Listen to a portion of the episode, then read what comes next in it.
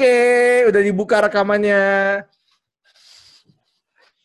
Pembukaan dulu dong, Bray. Silakan. Selamat datang di Kakak Kes episode khusus di mana kita akan melakukannya. Kita sebut sebagai Omami, obrolan malam minggu. Itu ide dari Nico Ferdinand Jonathan. Jadi all credits to him pokoknya. Jadi ini pokoknya. Jadi begini. Ah, iya, jadi silakan silakan silakan. Kalau udah jadi begini tuh biasanya ujungnya nggak ketemu ujungnya apa. Yang penting jalan aja jalan.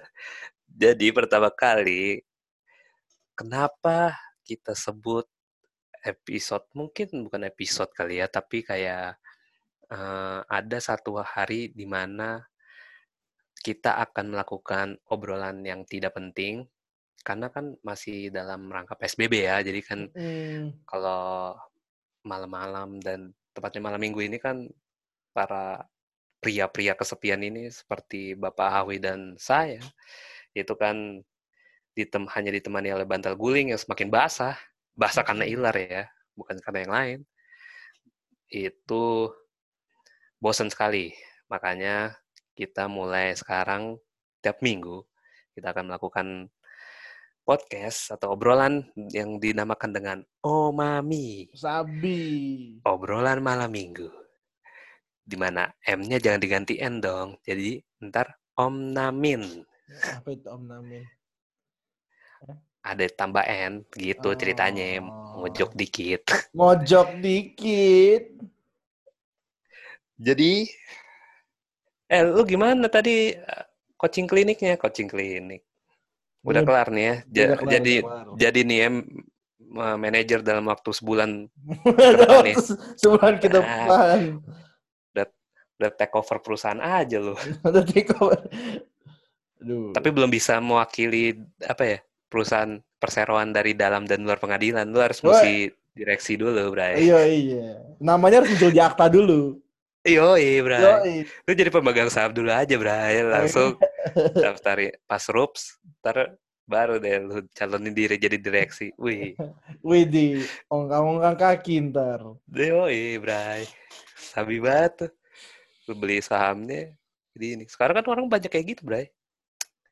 Ayo nih, apa, jelaskan dong. Tadi lu coaching kliniknya ngapain aja, Bray, ke gue. Iya, ngebahas ini. Apa namanya, ngebahas... Uh, uh, ke depannya gimana, terus tantangan apa yang bakal dihadapin uh, perusahaan-perusahaan. Karena kan tren trennya lagi berat banget nih ya. Kayak kayak di Amerika kan kan kita nggak bisa mungkiri ya ekonomi itu kan terikat ya antara Amerika, Eropa, Cina, Rusia sampai ke Asia Tenggara itu kan saling mengikat kan. Kalau misalnya yes. Amerika kacau, ya kita semua kena kacaunya. Oh, gitu. Kacau, ah, imbasnya kena. Jadi makanya kita kita ngebagi dulu trennya jadi tiga ya. Pertama tren global. Kalau tren global itu kan biasa jelas. Kayak misalnya uh, uh, Amerika lagi fokus sosial media, jadi banyak produk-produk sosial media kayak Instagram, WhatsApp. Hmm. Jadinya China ngikutan kan, bikin TikTok, bikin ByteDance, bikin kayak gitu-gitu. Indonesia juga ikutan, ya kan? Amazon lahir, muncullah Tokopedia di Indonesia kan. Iya. Yep. Jadi apa yang lahir di sana lahir di Indonesia gitu. Uber hmm. sini muncul Gojek sama Grab. Tapi, tapi sekarang lagi nggak jelas nih karena kan di Amerika lagi kacau tuh yang yes. demonstrasi. Demo. Iya. Hmm. Pandemi Terus, juga kan lagi. Pandemi COVID juga, juga, COVID juga. Nah di di COVID ini juga ini yang bikin parah ya karena COVID bikin Amerika beberapa negara bagiannya ada yang lockdown, ada yang enggak. Jadi hmm. jadi trennya nggak jelas. Di Amerika mau ngapain ini, ya kan? Sedangkan hmm. uh, di Eropa juga, Eropa juga lockdown, walaupun mereka mau coba dilonggarkan, tapi kan trennya tetap naik kan. Banyak banget tuh orang yang yang kena corona di ya parah banget lah. Jadi tiap tiap negara itu punya tren yang beda-beda dan akhirnya rata-rata dari tren tersebut itu kalau di, dilihat dari luar nggak jelas. Hmm. Nggak jelas banget kayak negara ini mau bikin ini, negara ini mau bikin ini, mau bikin itu, nggak satu arah yang jelas gitu loh mau bikin apa untuk seluruh dunia. Ya kan, ya kan. Nah. Lalu, lalu spesifiknya untuk perusahaan ente yang ente jalanin ini gimana nih imbasnya? Aduh. Kan lagi nggak jelas nih semuanya. Hmm. Kalau ke perusahaan lu, perusahaan lu juga harus muter otak dong biar gimana bisnis harus tetap jalan, saudara. Nah, kalau perusahaan pribadi mah kita tetap taruh konten aja sih karena kan makin banyak beri, banyak makin banyak kejadian makin banyak konten ya nggak yo Hmm. semua demi konten Makin banyak keresahan, konten lu makin banyak, cu. Itu Iya. yang nanti kan sekarang kan udah konten kalau gue menilai konten eh dari segi ininya kali ya eh, tema atau topik yang dibahas para para eh, podcast sekarang kan kebanyakan kan nggak jauh-jauh seputar pandemi kan gimana lo bekerja dari rumah hidup hanya di rumah aja terus sekarang menyikapi new normal gimana terus habis itu apakah uh, ketika new, new- normal ini berjalan apakah lu bisa gitu uh, kembali seperti biasa gitu bekerja di kantor terus mendapat upah sebagaimana layaknya terus kalau bagi perusahaan sendiri juga bisa nggak kembali lagi apa budgetnya atau keuntungannya seperti dulu sebelum pandemi ini kan kayak gitu kan itu udah jadi hal yang umum ya selama dua bulan ini ya menurut gua kayak kayak topiknya gak ada yang lain gitu. Tapi muncul kemarin kan akhirnya gue bikin monolog kan tentang itu kan demonstrasi di Amerika itu juga sebenarnya isu lama, cuman kayak karena emang mungkin manusia-manusia di dunia ini sudah bosan dengan di rumah aja, jadi kayak mereka akhirnya mencari eh, topik-topik yang Hmm. menarik untuk dibahas dan juga di apa ya di di apa digerakkan gitu. Masa-masa kayak di Amerika di sekarang kan demonstrasinya udah menyebar di seluruh dunia bahkan kan terakhir yang dirusuh kan di Paris juga kan sempet. Udah kayak money heist bro. Mm-mm. udah kayak money heist jadi kayak udah semuanya itu kayak dari satu negara bisa semua yang lain itu ikut-ikutan termasuk Australia. Australia tadi gue ngikutin apa eh, YouTube live-nya BEM UI itu katanya di Australia hari ini demo rekor katanya paling banyak. Padahal masih corona begini ya belum belum Hmm. selesai ya lockdown tapi mereka pada jalan aja ya itu terserah mereka lah it's okay mau kalau mereka mau menyuarakan aspirasinya benar benar cuman ya ada ada banyak cara lah untuk menyuarakan kalau gue sih gitu mantap Yoi. Langsung buka keras banget gitu loh kayak tren global. gila kerap gitu. nih kenapa jadi berat begini ya padahal Tiba-tiba jadi berat. memahami ya. Iya, Om. Jadi bukan bukan diskusi kebangsaan, Bang. gimana? Nama judulnya aja udah sedikit berbau kan. iya, coba kita judulnya berbau juga. coba waktu, juga ini. waktu dibaca didengerin baik-baik, wah ini mah karir coaching namanya. Yo. Iya. Karir coaching. Tapi bener, Pak. Tapi lu keren, Pak. Maksudnya kayak karir coaching gue pikir ramean kan. Biasanya ramean gitu kan. Apa CEO ngomong, lu dengerin doang gitu kan. Nyatet. Hmm. langkah-langkahnya apa yang konkret nih ternyata private bapak ini luar biasa satu one by one nama CEO-nya Nah, apa, karena karena gue punya prinsip sih kalau misalnya gue kerja gue maunya all in jadi tiap tahun itu kalau bisa naik pangkat sih sebisa mungkin jadi gue pengen tahu Hmm. target apa yang harus gue capai Hmm. biar gue bisa cepat-cepat naik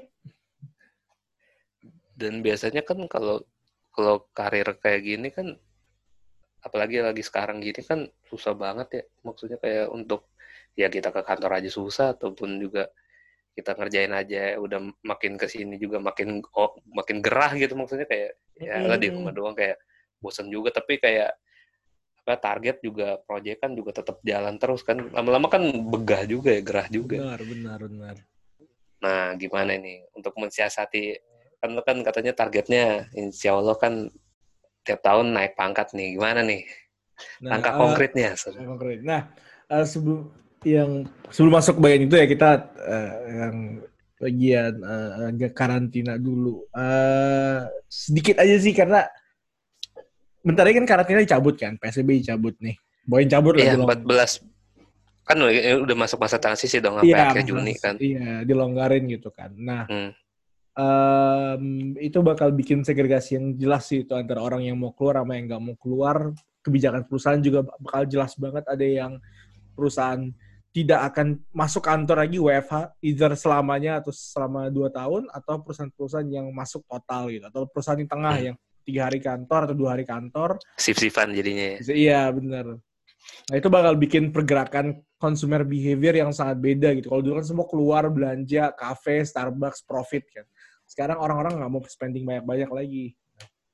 Hmm, jadinya yang bukan new normal ini bukan cuman kayak hmm, gaya hidup maksudnya kayak lu keluar rumah pakai masker ataupun juga menjaga kebersihan tapi gaya ekonomi lu juga berubah ya pak Berubah, maksudnya kayak berubah. spending lu terus habis itu ngatur duit lu ke mana gitu lebih maksudnya ini jadi lebih terarah kah atau lebih tapi ada ada sisi baik dan buruknya sih pak kalau menurut gue ya. Kalau dari baiknya ya lu benar-benar bisa mengatur budget lu gitu. Budgeting lu jadi bagus Hmm. jadi kayak mengatur pengeluaran lu oh ini buat ini doang ini buat membeli hal-hal yang perlu gitu. Tapi kalau kurang bagusnya kayak kasihan pak kalau kayak gitu yang UMKM gitu yang contohnya ya, tukang gorengan di pinggir jalan kan orang kan sekarang kan karena menghadap pandemi gini kan orang jarang gitu untuk keluar rumah Hmm. biar sekedar beli gorengan gitu doang kan ya paling kalau mau ya digojekin itu pasti akan Mahal lebih harganya. mahal Iya. mahal harganya dan mendingan ya gue mendingan bikin sendiri gitu kan kalau misalkan ini jadi kayak ya dalam tanda kutip ya lu juga kasihan gitu yang orang-orang yang jualan di pinggir jalan gitu-gitu tapi emang ya harus terima kenyataan juga sih emang sekarang lagi begini gimana Benar. gimana tuh menurut bapak Nah, nah, dan dan apa selain itu juga apa namanya ada ada eh karena dampak dari kita yang udah terbiasa nih ya dalam tanda kutip terbiasa karena kita kan 90 hari kan di rumah terus kan dari bulan Maret sampai bulan Mei itu Hmm. Eh, kita mulai makin pinter sebagai konsumen kayak kita nggak mau spending mahal-mahal kayak yang lu bilang tadi kan ngapain gue keluar gue bisa sakit Hmm. Eh, mending gue balik ke rumah masak GoFood GrabFood ada yang murah karena ada promo tapi kalau misalnya nggak ada promo kita mikir berkali-kali buat spending kan jadi Hmm. eh, tidak hanya menurunnya tran- total transaksi di negara kita tapi juga konsumen bakal lebih pinter beli itu bakal berat prosesnya kayak gue liat produknya bagus tapi reviewnya bagus apa enggak gue butuh apa enggak jadi karena kita sekarang makin tanda kutip pelit ya karena kita kan mau survive kan Hmm. jadi tiap kali mau mau belanja itu bakal banyak banget prosesnya sebelum kita beli gitu. Iya sih gila men itu bakal berat banget gitu loh bener sih pak Iya, jadi marketer-marketer di luar sana tuh, lu tuh udah nggak bisa cuma taruh iklan di Instagram. Karena iklan di Instagram dulu menarik, sekarang udah nggak menarik bagi kita. Oh, produknya ada, produknya mungkin bagus. Tapi apakah saya butuh buat beli produk itu? Nah, iya ini berat banget pertanyaan itu kan. Gila. Bener-bener sih. Sekarang gue jujur dulu gue sempet gitu kan eh, apa ken- apa pas dapat duit gitu misalkan dapat dari apa ya eh, duit jajan ataupun juga Hmm, gajian gitu kan. hmm, Ya hmm. pasti gue spending untuk hal-hal yang contohnya simple deh. Dulu kan gue suka beli sepatu tuh. Hmm. Gue dulu kan suka koleksi sepatu atau beli celana. celana yang harem-harem itu kan yang longgar-longgar yang kayak sarung. Apa, apa apa sih namanya? Eh, eh, eh, apa sih? Apa sih namanya? Apa sih? Iya celana, celana harem gitu kan. Iya, iya, sampai ke bawah gitu. Apa sih namanya? Incerun, ya? Incerun, incerun. Icerun dia cara-cara etnik gitu kan dari juga suka beli yang sosok kayak gitu sosok edgy gitu kan sosok etnik gitu ya mungkin ya sampai sekarang ya kalau dulu kan enak ya keluar keluar rumah pakai celana etnik itu orang pada ngeliatin "Wih, ini keren nih kayak apaan sih ini orang kayak gitu kan kalau sekarang ya keluar rumah pakai gituan ya ngapain gitu kan jadi jatuhnya kayak oh, yang keluar juga dikit dan juga kan mall segala macam kan dibatasin jadi kayak ya buat apa lu gaya keren-keren tapi kayak lu nggak ngikutin protokol kesehatan gitu kan contohnya Hmm, ataupun juga kayak ya hmm. kayak gitu sih tapi ya kasihan juga ya pengusaha-pengusaha kayak gitu ya ada ada sisi baik ada sisi buruknya tapi Iya. ya gimana Tuh, perusahaan juga harus pintar-pintar sih ngurusin Hmm. ini makanan eh ini Kayak- itunya Ya jadi jadi barangnya. sekarang perusahaan tuh bener harus mikir otak. Jadi kayak kalau dulu kan kompetisi kan antara bisnis dengan bisnis sedikit tentang konsumen kan karena konsumen Hmm. dulu ya spending spending aja gitu loh cenderung ya Hmm. belanja belanja tanda kutip boros kan konsumtif sekarang nggak cuma harus bersaing dengan perusahaan yang lain tapi juga harus bisa mengambil hati konsumen yang benar-benar paling dalam nih untuk belanja karena kita ya apa sih tema tema kita sekarang mau lu pengusaha mau lu mahasiswa mau lu karyawan pasti lu mikirnya yang penting gue bisa survive at least 13 bulan ke depan 15 bulan ke depan gitu makanya nabung Iya. jatuhnya kan Hmm.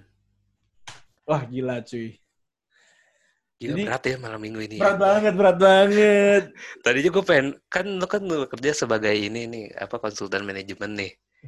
Meski anda sa- sarjana psikologi, tapi anda mengerti perusahaan, psikologi perusahaan harus anda harus mengerti kan.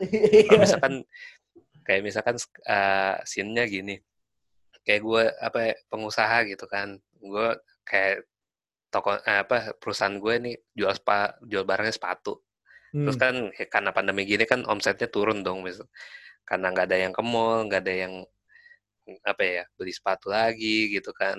Karena emang kebutuhannya pun juga udah kayak ya, di rumah siapa sih yang pakai sepatu gitu kan? Pasti kan nyeker kalau nggak pakai sendal gitu kan. Hmm. Ya, lu sebagai konsultan manajemen nih gimana nih kayak ya pasti kan omsetnya udah menurun nih. Terus habis itu gimana nih biar gua rebound lagi, biar naik lagi gitu penghasilan gue gitu sehingga nanti kayak gue bisa gaji karyawan gue apakah gue karyawan gue nih ini Weh anjir udah kayak ini ya ujian skripsi ya, anjir Gila, gila, gila.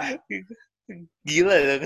Jadi pertanyaan kayak pengujinya nih anjir Iya, jadi pertanyaan pertanyaannya gimana caranya supaya eh, toko-toko sneaker dapat profit lagi gitu yang kayak dulu. Mm-mm.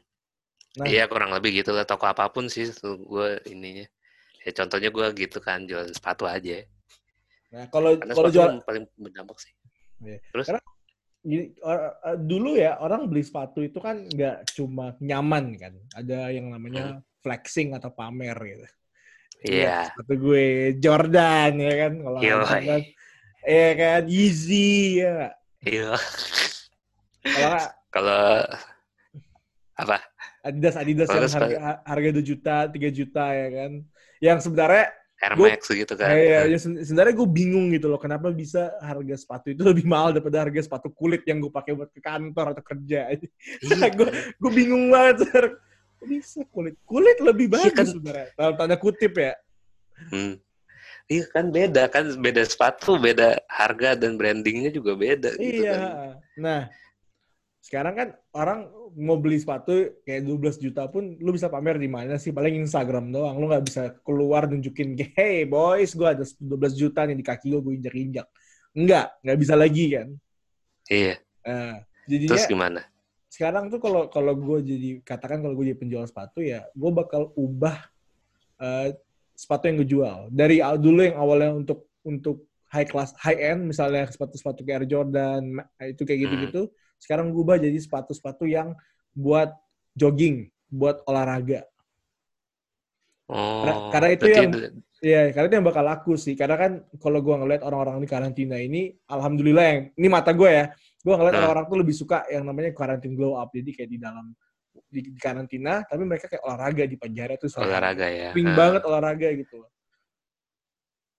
Iya, berarti dari ini ya produksinya lu harus berubah ya dan target pasarnya juga lu harus di ya diubah lagi gitu. Hmm. Yang tadinya mungkin kelasnya untuk yang high class bisa untuk pamer ke sana sini, tapi ini untuk benar-benar yang bisa bikin berguna untuk apa ya konsumen yang sekarang ini gitu kan. Mm-mm. Misalkan lagi lagi from home nih, lagi di rumah, lagi nggak bisa ngapa-ngapain ya akhirnya.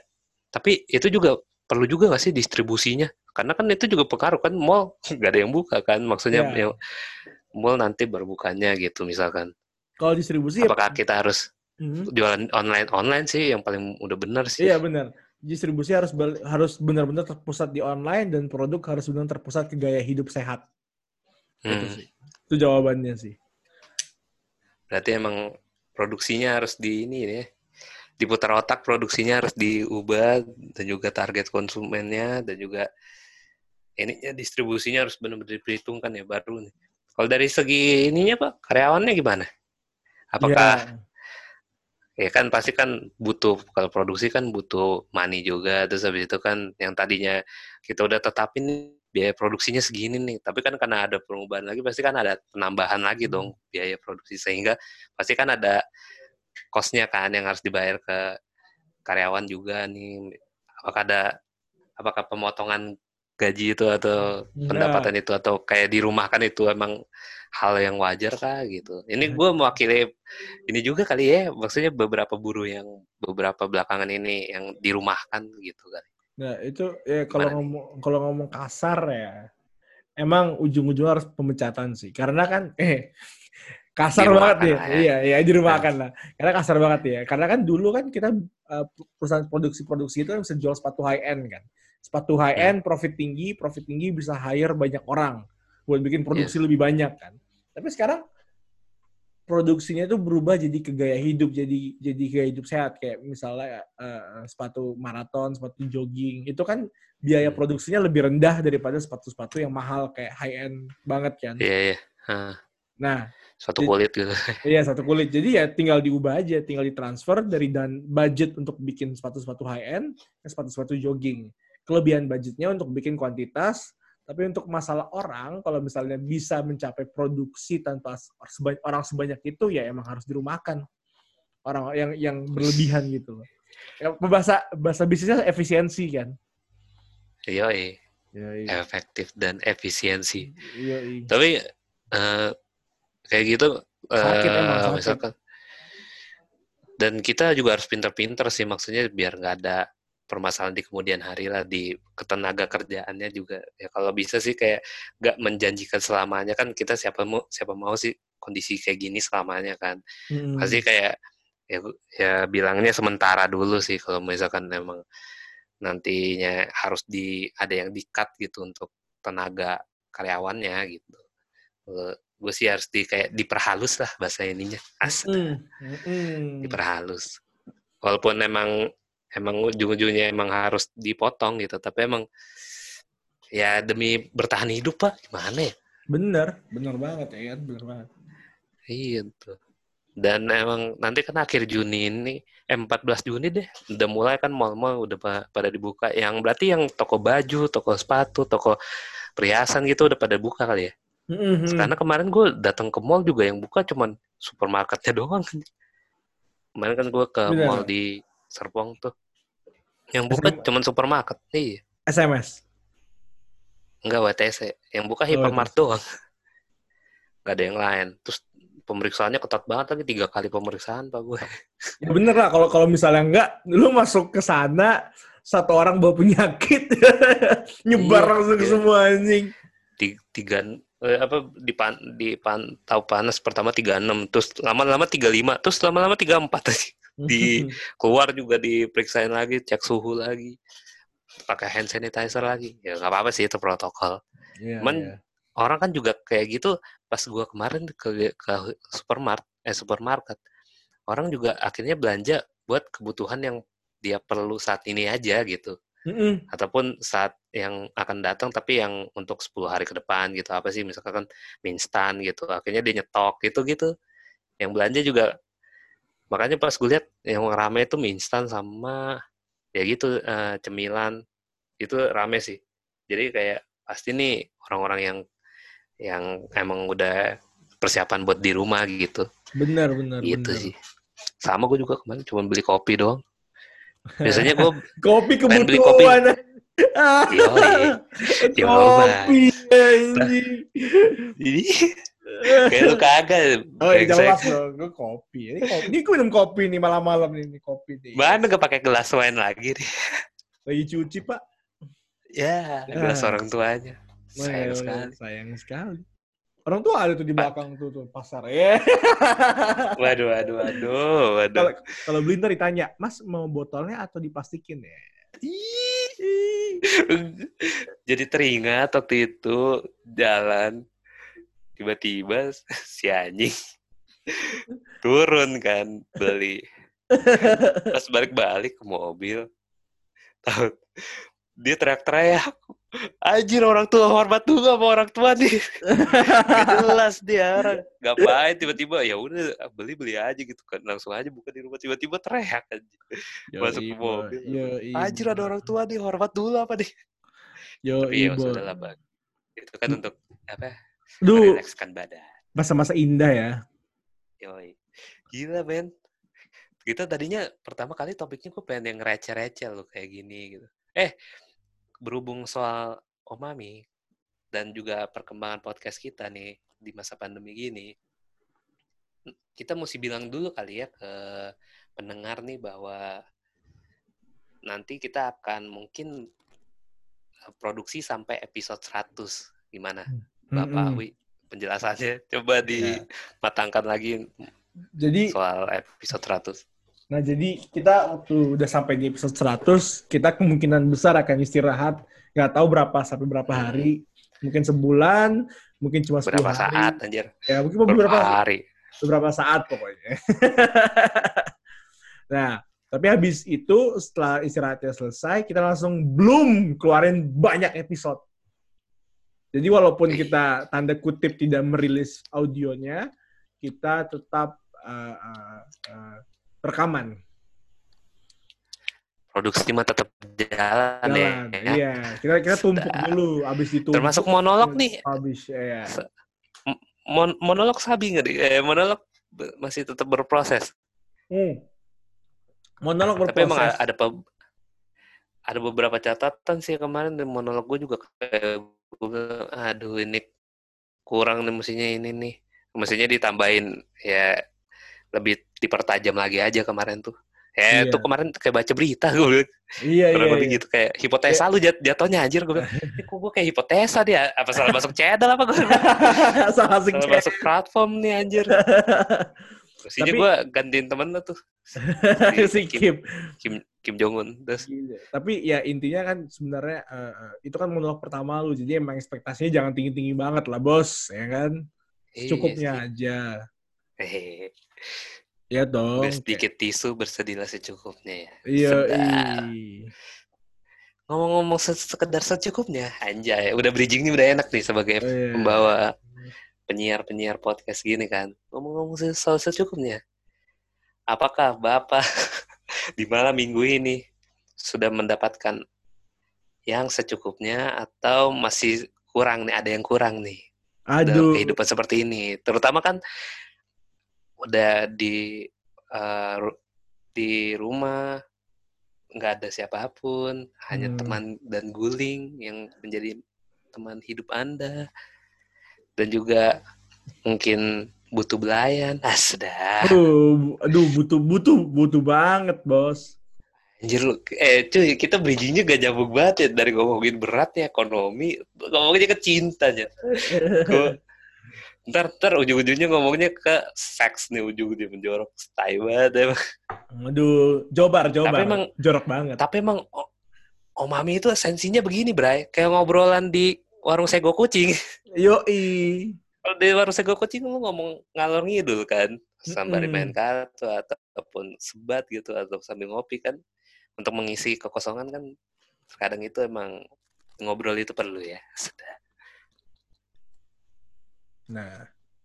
Jadi apa tadi question lo? Ayo apa question lo? Pertanyaan lo apa tadi? Anjir gue jadi ini ya lu jadi narasumbernya dulu gue yang jadi narasumbernya. Yoi. Ini, ini kan Semenjak pandemi ini gue jadi nar- ini ya berarti, penanyanya. berarti jelas nih antara kita gua sama lu itu kita koheren banget. Jadi kayak oper-opernya Yes. gampang gitu. Saling mengisi ya. Yoi, tiba-tiba crossing Saling- call. Iya. Tiba-tiba lu dulu dulu kan episode pas di Karawaci tuh pasti selalu gue ditanya gimana nih Bang Diko nih gimana nih Iya. gila lu udah kayak gue yang maha tahu nyet padahal Oh. ini Padahal iya, mah sekarang tahu. tanya kali ya eh eh, Eh, kalau udah maha tahu mas saya udah beda pak eh, udah iya. beda dunia jadi pertanyaannya begini bapak Edo nih apakah bapak merasa kesepian sekarang Eh, gini gini.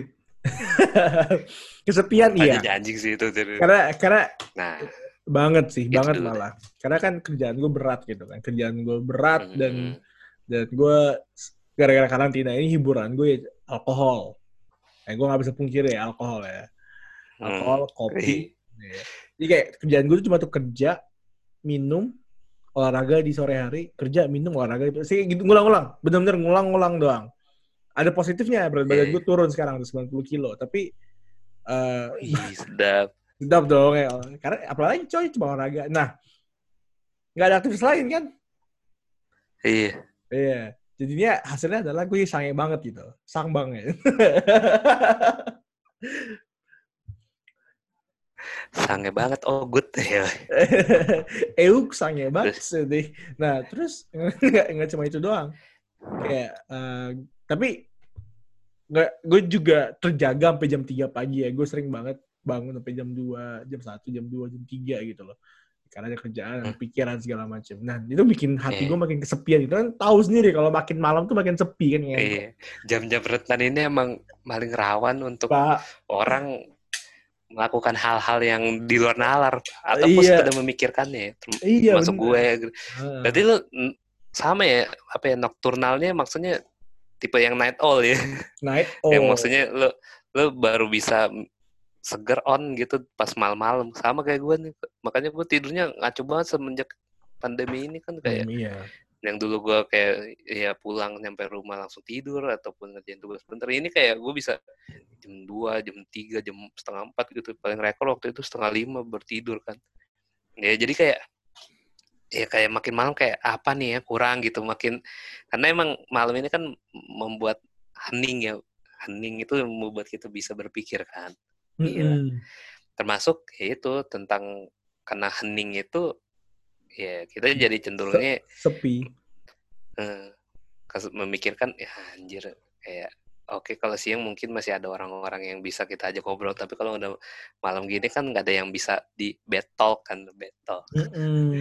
kan sebenarnya Oh, ideal tempat tidur iya. ideal idealnya kan adalah lu bangun lu kerja lu olahraga lu makan malam lu minum lu ngewe lu tidur. Itu kan eh paling ideal gitu kan. Iya iya. ngulang gitu. Impian impian semua para ini ya apa pekerja pekerja yang di rumah terus tapi yang masih single gitu loh. Iya. Kan kalau yang di kalau di yang udah punya suami atau istri kan udah enak ya tempatnya ya. Udah jelas gitu kan. Hmm. lah kita aja ya kan kan sekarang gitu ide- idealnya gitu kan habis itu nabung bareng habis nabung bareng kita liburan bareng gitu kan udah ideal banget tuh liburan ya kan. Enak banget. Woi. habis itu itu udah ada perencanaan banget ya Hmm. habis itu nikah ya kan jelas banget cuy. Cuma gue pribadi gue bakal nendang im- mimpi itu sih karena gue keluar juga nggak mau. Dalam tanda kutip ya kan dulu kan bisa enak mejeng-mejeng lu buka Tinder eh ketemunya iya Starbucks, men. Starbucks ini gini, gini baru baru masuk ke fase uh, fisik. Tapi sekarang eh, apalagi sekarang ya hari per hari ini kan udah tembus kan 30 ribu corona di, di Indonesia. Ramen hari ini yang paling banyak 933 gue nggak tahu ya penyebabnya apa ya cuman kayak kalau menurut gue itu ada beberapa faktor sih. Maksudnya yang pertama emang kan karena emang udah mulai orang udah bilang new normal new normal. Ini orang pada pikir itu normal kan. Padahal Hmm. enggak anjir kayak ya biasa aja lu harus juga emang lu harus social distancing, lu harus pakai protokol kesehatan terus habis itu lu emang harus ya sebisa mungkin keluar dari eh keluar maksudnya di tetap di rumah gitu. Terus habis itu mungkin yang faktor kedua ini kali ya. Kan sekarang kan alat tesnya kan udah makin banyak ya. Yang katanya di beberapa tempat gitu alat tes swabnya itu udah makin banyak jadi kayak baru ketahuan gitu. Jadi kan Hmm. tadinya cuma bisa ngelayanin berapa ratus pasien, berapa puluh pasien, tapi sekarang udah bisa berapa ratus gitu, empat ratusan pasien. Jadi orang baru pada kelihatan gitu, oh ini positif atau ini reaktif gitu. Jadi ya itulah mungkin salah satu melonjaknya gitu akibat adanya ba- bantuan ini ya bantuan tes ya orang dites ya makin banyak juga yang mungkin terkenanya gitu. kalau kalau Gitu, gue baru ketahuan ya. Hmm. Kalau gue tambahan sih, karena kan kita kita umumnya tahu ya kalau misalnya corona itu inkubasi di tubuh kan 14 hari kan.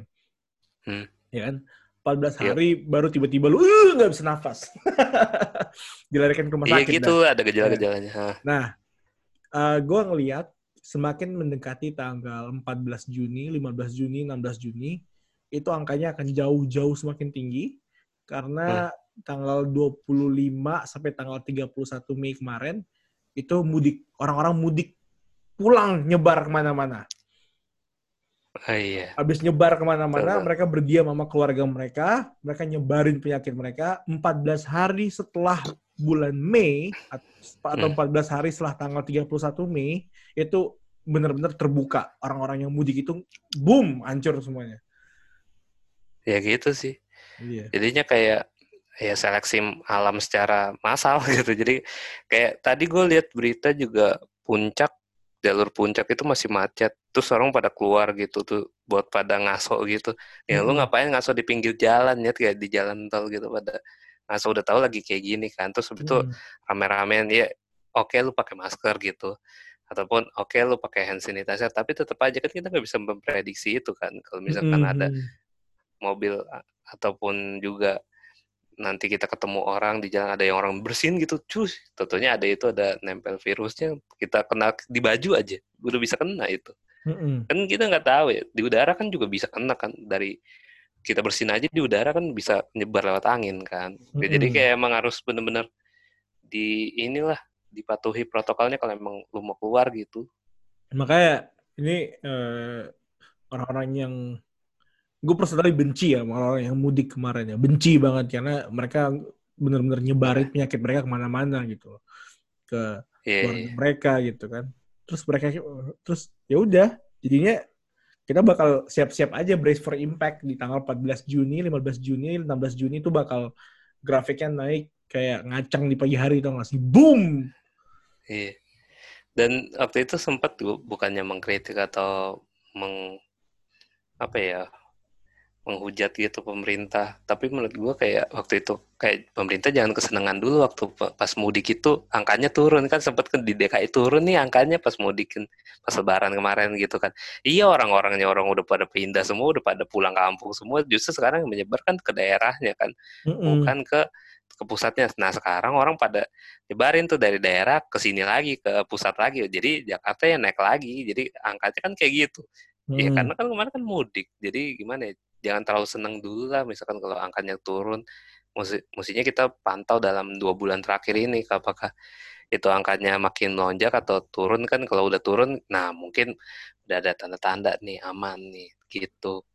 Dan menurut gue juga gimana ya hmm, ya kalau dulu kan orang pada bilangnya eh, corona masuk Maret kan. Kalau menurut gue dari sebelum itu dari sebelum Maret jadi emang yang baru kedeteksi itu kan awal awal Maret ya gara-gara emang dia tiba-tiba gejalanya kan yang kayak gitu kan bersin batuk Hmm. nggak bisa napas tapi menurut gue sebelum sebelum itu juga udah ada udah ada penyakitnya cuman baru terdeteksi Maret aja di kita menurut gue ya gue Hmm. bukannya menyebab teori konspirasi atau apa cuman itu emang udah terjadi di kita dan sekarang angkanya bertambah banyak jadi ya ya kalau bisa ya emang dari diri kita ya pemerintah juga gue apresiasi sih selain gue tetap terus mengawasi kinerjanya pemerintah tapi gue juga mengapresiasi setidaknya mereka udah udah bekerja lah untuk men- mencegah menanggulangi gitu kan. Karena emang ini kan belum ada vaksinnya kan. Dan kalau di Amerika kan sekarang kan bukan yang soal protes ya tapi soal ini kan eh, Trump sendiri kan udah bilang kan Amerika cabut dari WHO kan. Mm-mm. Nah itu gimana tuh ya kalau misalkan misalkan am- amin gitu vaksinnya udah ditemu apakah Amerika tetap dibagi gitu kan? Kan dia sendiri kan tuan rumah WHO sebenarnya ya. Kenapa dia cabut dari WHO kan alasannya gitu ba- kan. al- al- alasannya banyak sih dan cukup politis ya. Iya kemarin gue lihat juga eh. cuman ya gitu sih tetaplah eh, ya semestinya ya lu utamakan kemanusiaan dulu lah dibandingkan juga apa ya urusan politis segala macem. Nah itu sih dan ya kita tetaplah harus mawas diri juga lah untuk diri kita pribadi itu sih kalau dari gue Hmm. yang beberapa akhir ini emang sempat kemarin sempat gue sebenarnya pas Mei itu agak-agak parno kali ya. kan karena emang nyokap gue kan sempat reaktif kan covid Hmm. tapi kan puji Tuhannya pas di swab negatif jadi gue udah mulai memberani bukan mem- ini bukan udah mulai keluar lagi cuman kayak kemarin gue udah sempat belanja di supermarket jadi kayak untuk hal-hal yang perlu aja gue keluar. Tadinya gue kayak nggak mau keluar sama sekali gitu. Even ke pasar sekalipun gitu. Cuman bener-bener akhirnya yang ke pasar kemarin kan apa ya bokap gue justru yang ke ke sana gitu maksudnya. Dan juga ada yang beberapa beli di online gitu. Jadi kalau sekarang sih gue udah memberanikan diri lagi untuk keluar tapi tetaplah beli yang perlu. Kalau bisa sebentar aja di luar habis itu balik langsung Iya. mandi balik dari situ ya sama pakaiannya juga udah pakai APD bro gue udah pakai kayak sarung tangan astronot gitu anjir Hmm. gue juga dia ngambil ngambil duit wah susah banget licin banget kemarin butuh perjuangan ya sekarang gue juga ngelakuin hal yang sama sih kayak keluar cuma buat belanja doang tapi gue nggak sampai pakai APD APD gue cuma pakai masker doang sebenarnya Dan gue mengurangi yang namanya cash. Kalau dulu kan gue masih ada cash, sekarang kayak Nah, iya. boom hilang. Kemarin gue juga bayarnya pakai GoPay sama OVO doang sih. Kebanyakan gitu lah. Nggak, nggak, nggak. Karena penularan bisa dari duit, Pak. Hmm. Ya kita nggak tahu kan duit dipegang sama siapa kan, totonya main ambil-ambil aja gitu kan. Nah, dari situ gue, oh iya ntar lagi deh kayak gitu. Pakai cashnya. Jadi cashless ini emang sekarang udah sangat berguna ya. Justru Yoi. OVO ini sekarang OVO GoPay gitu untung dong ya gara-gara ada gini-gini. ya minta amit gitu. Untung, untung. Dan itu bakal jadi kebiasaan loh, karena misalnya kita eh, kan kalau masalah ngomongin teknologi ya, generasi kita paling cepat terima kan, generasi kita kan generasi anak muda ya, milenial sampai Gen Hmm. Z. Ada produk baru, wah coba gitu loh. Ya, Nah kan generasi-generasi boomer sama yang milenial tua kayak udah 30 40 kan kalau ada teknologi baru kayak mager, ngapain gue pegang gini. Nah, Iya. sekarang mereka udah menyadari nikmatnya eh, teknologi kan, nikmatnya menggunakan kayak misalnya kalau kalau ngobrol kalau kerja pakai Zoom, kalau misalnya hmm, bayar pakai OVO GoPay, Dana link aja gitu. Jadi kayak mereka Hmm. akhirnya iya ya, enak ya, baru mereka pakai itu. Jadi kayak eh, rate adopsinya tinggi banget. Dan itu bakal terus bertambah kan. Iya, oh, bonyok gua aja yang tadinya meeting, eh, apa tadinya dia nggak tahu nih ini aplikasi apa sih biar online bisa ini kayak misalkan pertemuan gereja gitu. Udah diajarin nama gue langsung, oh iya iya kayak gini bisa kayak gini. Jadi mereka juga akhirnya belajar sendiri gitu. Padahal Mm-mm. mereka kayak mana tahu ini aplikasi apaan nih kalau dulu kan gitu kan. Tapi nggak mau nggak mau mereka akhirnya harus belajar kan. harus belajar. Semua generasi pun harus akhirnya ya menggunakan teknologi sebagai sarana buat hidup gitu kan. Kayak gitu. Betul banget. Luar biasa nih obrolan malam kita, minggu kita jadi berkualitas segini aja. Iya, iya. Tadinya gue konsep omami ini apaan ya? Kayak, ya Itu bisa namanya buat- aja udah plesetan, plesetannya jorok kan, onani kan. Bisa, Tapi bisa. ya, Ya begini, tapi malah berkualitas segini. Ah, gila, luar biasa. Bisa, Terkadang bisa. emang ekspektasi itu Nah, ekspektasi itu emang nggak sesuai dengan realita tapi emang kita harus sesuaikan dengan ini sih sesuaikan dengan kondisi yang ada aja ikutin arangin aja Iya, pokoknya ya, kan buat buat mengenai Omami bisa buat episode 2. Santai aja, santai aja. eh kecepatan Ah. apa bos apa apa tadi kan tadi kita aja balik tadi ke se- sebelum recording sebelum recording malah kasih share video bokep ke gue sialan Iya, ini. tapi nggak apa-apa Pak. Nggak apa-apa nggak apa-apa. Udah, bisnisnya nanti aja ya Iya. off the record nggak apa-apa bagus Tapi eh, balik ke yang paling pertama jawab pertanyaan lu yang kayak apa langkah konkret gue buat naik pangkat kan, buat naik level Yup. mungkin. Nah, eh gue udah pokoknya buat tahun ini gue tercapai karena gue udah udah selesai probation gue lulus. Eh, Hmm. jadi gue bakal pakai attitude. selamat Pak. Thank you, thank you, thank you. Gue bakal ya gue senang Mabok banget sih. bareng nih ya kita. Oh, be. Mabok, mabok. Duck down. Duck Lockdown, downnya kita di iya. lockdown diangkat, Duck- kita duck down ke bawah. Yo. Duck downnya ntar diisolasi gitu. Eh, Dua orang mabuk. Apa? apa eh, meng, meng- bukan menghadang apa sih namanya berlarian masuk gitu loh maksudnya kayak Iya. tiba-tiba kayak absurd banget lagi kobam lari-lari ke duck down Yo, buka buka aja seru banget sih itu kalau misalkan kita udah karantina berakhir terus lu lah udah di jaksel kan. Mantap. Tapi tapi sih sebenarnya gue lebih kangen ini sih. Di bar-bar sama lawless kayak gitu tuh gak sih? yoi. Itu pak. Kan kalau- kalau di bar gitu kayak kayak ya bicara-bicara yang ala orang dewasa yang di klub bar Inggris gitu. Yoi. Yoi. Di pub pub di Inggris gitu kan ngomong sambil ngebir terus kata what's your problem Yo. Ih, Nah, seru banget terus itu- tadi ada alat dan musik Yo. Tuh, impian gue tuh sekarang kapan gue bisa gitu lagi ya Eh, itu bisa bisa dibahas di, di, di, di episode 2. Gue jawab dulu pertanyaan lu aja, fokus fokus. Eh, eh, Oh, iya, iya, iya. Iya. apa apa jawabannya itu adalah yang pertama proaktif ya. Tanya terus kayak apa sih yang bisa gue lakuin berikutnya, apa sih yang bisa gue lakuin berikutnya. Jadi gue emang suka banget ngechat supervisor gue tanda kutip atasan gue lah supaya gue tahu langkah berikutnya apaan. Hmm, Gue gue tanya iya. terus, gue gue kejar terus, gue kayak mahasiswa paling nyebelin yang pernah lu lihat. Kayak misalnya Hmm. dosen nih gue tanya, ya abis ini apaan bu, abis ini apaan bu. Eh, terus, Jadi emang lu kayak setiap langkah itu lu tanyain terus ya. Iya. Even lu akhirnya menyebalkan buat mereka gitu. Mereka Iya. menganggapnya itu tapi ya lu muka lu udah taruh di pantat aja muka tembok akhirnya kayak "Oh, udah bodo amat yang penting gua ya yang penting ngerti gitu istilahnya gitu ya. Heeh, terus Lanjut. gue gue ngambil data, gue minta data-data mereka yang sebelumnya. Jadi kayak dulu lu menghadapi kliennya seperti apa, apa produk yang lu kasih. Jadi gue Hmm. pelajarin produknya, pola pikirnya. Dan yang paling penting sih sebenarnya terakhir sih ini eh, adalah lu tahu apa sih ekspektasi mereka. Jadi kan semua perusahaan ada namanya KPI kan, kayak apa yang lu harus lakuin, apa yang lu capai untuk naik ke tahap berikutnya. Gue bener-bener, gue tanya itu dengan jelas apa yang harus gue lakuin, target pencapaiannya gimana, dan gue penuhin aja.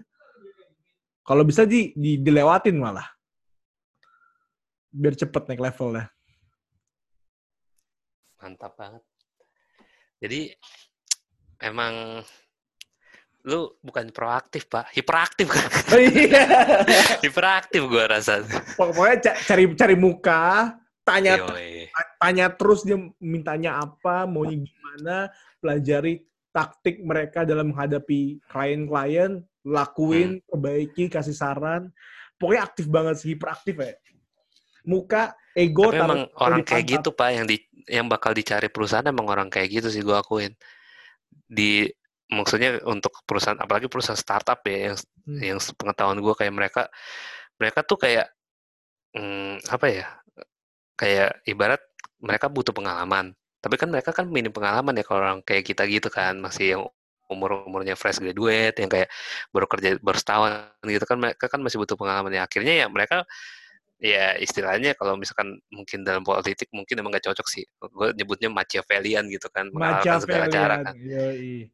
Iya kan menghalalkan Machiavelli kan gitu menghalalkan segala cara kan untuk mencapai tujuan kan. Ya emang dalam tanda kutip ya lu emang ya menurut gue ya bukannya bukannya men- ngajar untuk menjadi seorang yang brengsek tapi ya menjilat itu perlu sih. Dibandingkan lu idealis ya terserah itu emang kembali ke kebutuhan hidup lu seperti apa. Cuman gue kalau misalkan ente mau emang survive ya ente ya harus ikutin prosesnya gitu. Maksudnya ya, ya kalau misalkan emang butuh kondisinya butuh untuk menjilat ya silakan monggo.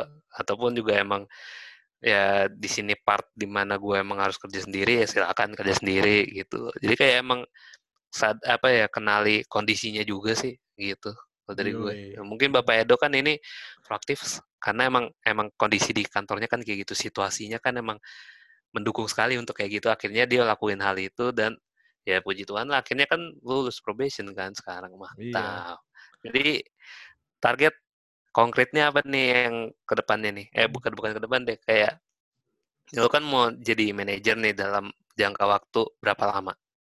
Manajer kok manajer Ah, sih anjir? iya. naik pangkat deh naik pangkat dulu jangan jadi manajer anjir. Oh, kalau tapi kalau bisa sih. kalau di konsultasi itu nggak ada yang namanya manajer sih. Nggak ada Nggak ada jadi konsultasi manajemen jadi, adanya kita pertama dari intern, bisnis analis, associate, senior associate, langsung partner. hmm. Cuma Oh, emang sama kayak law firm ya modelnya sekarang Iya. banyak perusahaan jasa kayak gitu ya modelnya ya ini cepat banget ke atas gitu. Sama kayak lu, startup. lu jasa kan iya lu jasa, kan Jasa. Kalau- Jasa, jasa. Iya, kayak law firm ya kayak law firm berarti Jadi target gue tuh sebenarnya senior associate. Gue pengen jadi senior associate. Hmm. Entah nam jadi senior associate, senior consultant, senior trainer, senior problem solver atau apa bodo amat. Yang penting gue senior. Gue pengen cepat mungkin jadi senior. Berarti kalau gue punya perusahaan bisa nih ya di ya, ya perusahaan gue kacau bukan perusahaan sih maksudnya gue punya bisnis lah kecil-kecilan gitu kan bisa lah ya Bisa, bisa. Di- tinggal tinggal kalau telepon aja, telepon ya kan. Telepon bawa Amer kan nih Eh, kita berdendang bersama what's your problem yo ada ada sajen aja yang penting sajen. Yoi. nih what's your problem ngeri kali emang bapak ini Hmm, yoi. emang Emang kayak gitu, Pak. Emang hidup ini harus saling menguntungkan satu sama lain. Benar, Kan benar. sama, sama, saya, seperti Bapak kan waktu itu kan bilang ke saya, kalau misalkan nggak ada Bang Nix nih, kakak kes gak jalan ya, anjay. Yoi. Sekarang udah 70 berapa episode, nyet. Anjir. Dulu Karena- pertama kayak, karena dulu gue pertama kali ngebet banget kan bikin podcast kan. Iya, iya, iya. Ngebet banget, Aku gila. pengen bikin podcast. Dulu gue sama temen gue tuh si Patri, tapi emang kita nggak ada ketemu medianya. Terus tiba-tiba Bapak Edo pas gue cerita gini, ingat banget waktu itu mau perjalanan kita ke dua kopi yang di Bintaro itu Pak. Ayo, Kopi. Ingat gak lo? Anjing. Demi nyari apa tuh? Si sa- sang bartender apa bari bar- bartender Barista. barista, sang bartender anjing. Dia kalau malam jadi bartender dia. bartender ini apa? Latte gitu. Iya. Latte bartender. Terus kita makan makan di gelato gelato itu kan atasnya Iya, kan. iya, Nah di iya. situ gue cerita, gue pengen bikin podcast nih. Lang, tahu langsung, eh gue ada podcast nih kakak kes namanya. Cuman gue bikin sama temen gue dulu, cuma berdua. Topiknya tentang apa bebas sih. Ya udah gue nimbrung nimbrung aja. Nah dari nimbrung saat itu tuh langsung kayak, wow. Tiba-tiba semangat dia kembali lagi kan. Oh, si anjing ini. Padahal gue cuman bilangnya cuman pengen nim, nimbrung di itu doang podcastnya dia. Eh sekarang udah banyak dan juga yang pendengar kita udah cukup banyak ya luar biasa. 690 loh sekarang. 690. Dulu yang dengernya cuman berapa puluhan orang doang 10, 20. Iya. Sekarang udah 600 coy. Bentar lagi 1000 loh ini. Ya amin. Dan dan dan yang kerennya adalah ka- karena kan sekarang mulai gue promosi ya, gue taruh di Instagram dan gue mulai Hmm. ngebuka nih Nix.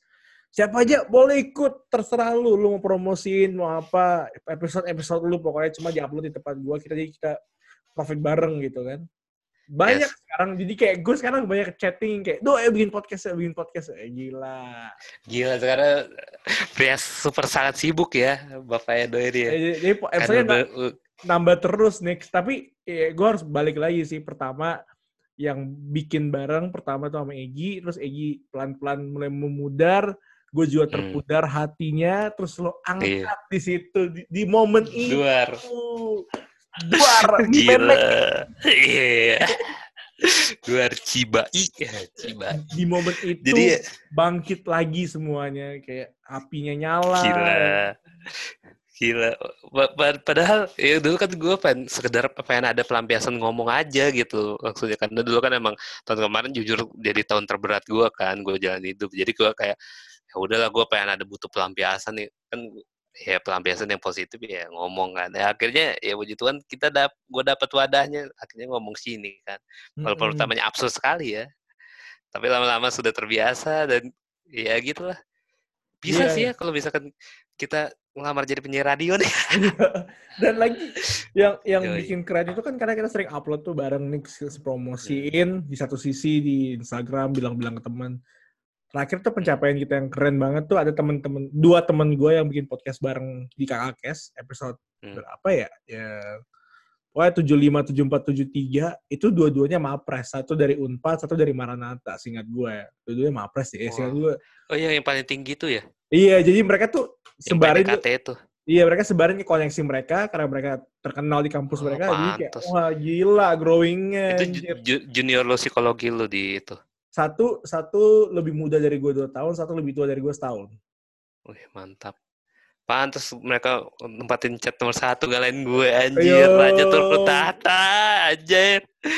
Gila lo Pertama kali Kapan terakhir lo kita kan Itu soalnya bertahan berapa minggu tuh anjir? Gila apa Berapa episode kita, bulan deh? episode kita yang yang yang yang yang mengenai masturbasi itu gara-gara kita nonton kita gara penasaran itu bertahan hampir setengah tahun deh kayaknya cuy bertengger paling atas gila Gila, tapi emang bener ya Pak. Maksudnya emang ya sekarang kita ngomongin ke konten podcast kali ya. Tadi kan ngomong bisnis, terus habis itu. Nah itu Kayak- emang juga termasuk lah bisnis Gini deh. podcast. kayaknya bisa Hmm. kita cut dulu karena bentar lagi udah mau habis nih zoomnya nih jadi kita cut terus kita masuk ke sesi 2 kali ya oh mami sesi. 2 oke Oh mami. Boleh, boleh, boleh, ada boleh. closing dulu nggak nih ini, ini berbobot banget anjing Iya gila ternyata ya. Padahal gue baru ngopi tadi lo beli kopi Excelso aja. Biar ada yang rasasannya aja. Jadi penutupnya gimana, Sa- saudara Edo? Kok gue yang jadi nanya ke lu ya? Biasanya gue yang jadi Iya. penutup mulu ya. Iya, Ininya ya. Iya, iya. Penutupnya adalah tetap Iya, Iya, bingung, bingung, bingung. Pusing kan udah waktu udah mau habis kan. Aku kan lu. Tapi ya emang Iya, emang. Makanya gue suka lempar ke lu kan. Gue tutupnya gimana ya? Niko aja deh yang tutup, bukan gue. Iya. Padahal gue cuma. Iya, padahal gue cuma ngomong galor gitu dan lu juga gak bakal perhatiin kan gue ngomong apa kan yang penting ya udah kalau gue udah selesai ngomong lu langsung tutup kakak kes karena gue akhirnya giliran gantian lu mampus Oke, kalau gitu gue coba tutup ya. Gue coba, aduh gila, gue harus mikir keras nih. iya pe- Um, penutupnya apa nih kultum kali ini Yuk, silakan Gue pakai ini aja lah, iklan layanan masyarakat aja lah. Oh, boleh boleh silakan Jadi ikutin, ingat bahwa new normal atau PSBB dilonggarkan bukan berarti corona hilang, tapi kita hidup berdampingan dengan corona. Jadi gunakan protokol kesehatan, gunakan teknologi supaya bisa memudahkan hidup dan belilah barang-barang atau kebutuh barang-barang sesuai dengan kebutuhan saja. Jangan berlebihan. Karena topik kita dalam 15 bulan ke depan, mau lu di Indonesia, Amerika, Eropa, mau di mana pun itu adalah survive. Lu harus ngejaga keuangan lu dengan lancar. mantap luar Mantap. biasa sekarang gue ya tutup ya Iya, iya, iya. Gila lu, Se- sejak kapan Bapak Edo jadi sangat care sekali sama ini? Tahu gue yang lu care cuman cuan, cuan, duit. Kali ini lu corona tidak bisa hilang, kita harus berdamai. Gila udah kayak pesannya presiden aja lah. Tapi Iya. emang benar lah. Calon Kita ya. harus- Kan lu kan bentar lagi jadi presiden kan, presidennya CEO-nya ini kan, perusahaan konsultan lu kan. Nah, amin, lah ya, amin. amin, amin gue jadi partner, amin, amin. Terus, terus, oke gimana nih? ya udah jadi emang in- eh, intinya tetap inilah tetap survive tetap jaga kesehatan kalian yang bisa ini eh, apa ya maksudnya yang bisa hidupin hidup kalian ya diri kalian sendiri lah gitu itu kalau dari gue sih cuman ya udahlah nikmatin aja bro Oke, dah. bye-bye. oke ki- kita tutup di kakak kes salam ayah ayah ayah.